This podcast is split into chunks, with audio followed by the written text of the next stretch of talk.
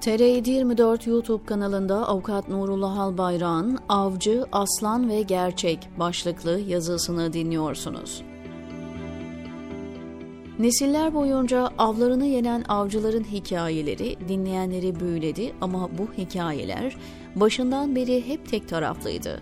Bu hikayeler vahşi doğayı fethetmek için yola çıkan avcının cesur ve cüretkar istismarını takip ederken hayal gücümüzü yakaladı ve macera duygumuzu harekete geçirdi. Ama bu hikayeler hiçbir zaman göründüğü gibi değildi. Gerçek anlatılanlardan çok farklıydı. Bu hikayelerde aslan kötü adam olarak rol alırken avcı kahraman olarak yüceltildi. Ancak anlatılanların gerçek olduğunu kim söyleyebilir? Bizler de çok uzun zamandır iktidarın yazdığı avcı hikayelerini dinliyoruz. İğrenç bir kurgu, korkunç bir senaryo ve hatta yalan, iftira ve ahlaksızlık adına ne ararsanız var bu hikayelerde. Aslanların ne dediğine bakılmazsa avcının anlattığı hikayeye inanmak durumunda kalıyor insanlar çoğu zaman. Avcı ekibi ortamı öyle bir şekillendiriyor ki sadece kendi anlattığı hikaye dinlensin, yazılsın ve okunsun istiyor. Böyle bir ortamda doğruyu yanlışı birbirinden ayırmak çok büyük çaba gerektiriyor. Çoğunlukla da başarılı olunamadığı için yalan hikayeler gerçek zannediliyor. Maalesef çok uzun zamandır yaşanan hadiselerle ilgili olay örgüsü, kişiler, mekan ve zaman dahil tüm argümanlar gücü elinde bulunduran iktidarın kontrolünde. Ellerindeki bu güçle olayları kendi kurguladıkları hikayelere göre anlatmaya devam ediyorlar. İletişim Başkanlığı denilen yapı ve içindekilerin tek gayesi olayları kendi kurgularına göre anlatmak ve anlattırmak. Bunun için gerekirse insanların konuşmasını engellemek engelliyor, iletişim araçlarını kapatıyor ve tek bir merkezden tüm söylenenleri kontrol ediyorlar. AKP iktidarı eliyle yapılan hukuksuzluk, yolsuzluk ve insanlığa karşı suç avcıların hikayeleriyle çarpıtılsa da aslanlar tarafından da anlatılmaya çalışılıyor. Yaşanan deprem felaketi sonrasında da ülkenin kaynaklarının nasıl sömürüldüğü bir kez daha gün yüzüne çıktı. Bu yılın gerçek karşısında insanlar kamu kurumlarına yardım edilmesini sorgulamaya ve önceki toplanan paraların nereye gittiğini sormaya başladı. Tabii ki kurgucular da kendi hikayelerini yazmaya başladı. Bu tartışmaların yaşandığı süreçte cemaat mensuplarıyla muhalif olup yurt dışında yaşayan kişiler, deprem felaketi nedeniyle mağdur olan, evsiz barksız kalan insanlara yardım etmek için seferberliğe girişti.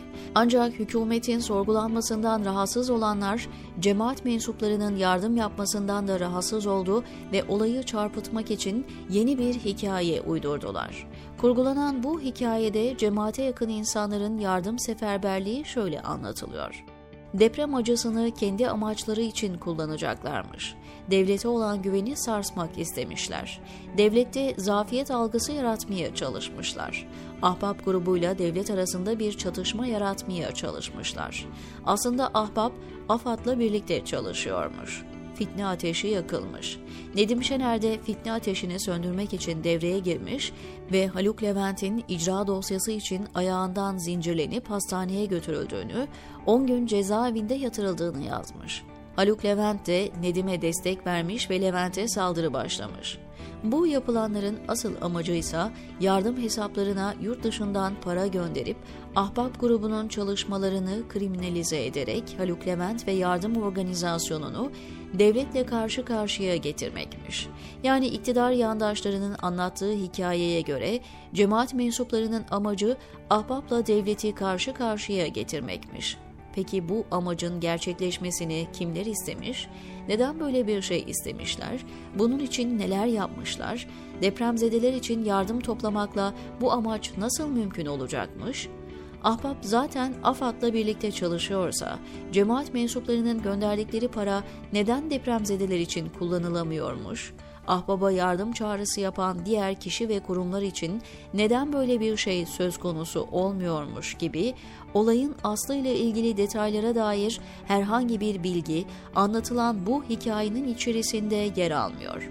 her zaman olduğu gibi ya iktidar ve yandaşlarının anlattığı bu hikayeye inanacağız ya da hikayenin aslı nedir diye öğrenmek için çaba sarf edeceğiz. Hikayenin gerçeğini öğrenmek isteyenler için anlatayım. Yapılmak istenen ve gerçekten yapılan şudur. Sadece kendi iyiliğini düşünmeyen insanların yaşanan felaket nedeniyle mağdur olmuş insanlara el uzatma çabasıdır. Ne olduğuyla, neden olduğuyla, kime olduğuyla ilgilenmeden sadece bir şey yapmalıyım düşüncesiyle ortaya çıkan yardımlaşma çabasıdır. Çocuğundan yaşlısına, kadınından erkeğine, evlisinden bekarına kadar herkesin mağdura destek olma çabasıdır. Kurumlara olan güvenin zedelenmesi ya da birilerinin öne çıkartılarak başkalarının pasifize edilmesi gibi bir düşünce olmaksızın sadece mağduru yerden kaldırma çabasıdır. Afrika atasözünde denildiği gibi aslanlar kendi hikayelerini yazmadıkça avcıların hikayelerini dinlemek zorundayız. Avcılar ne kadar engellemeye çalışırsa çalışsın, hikayenin aslını anlatmaya ve insanların gerçeği öğrenmesi için çalışmaya devam edeceğiz.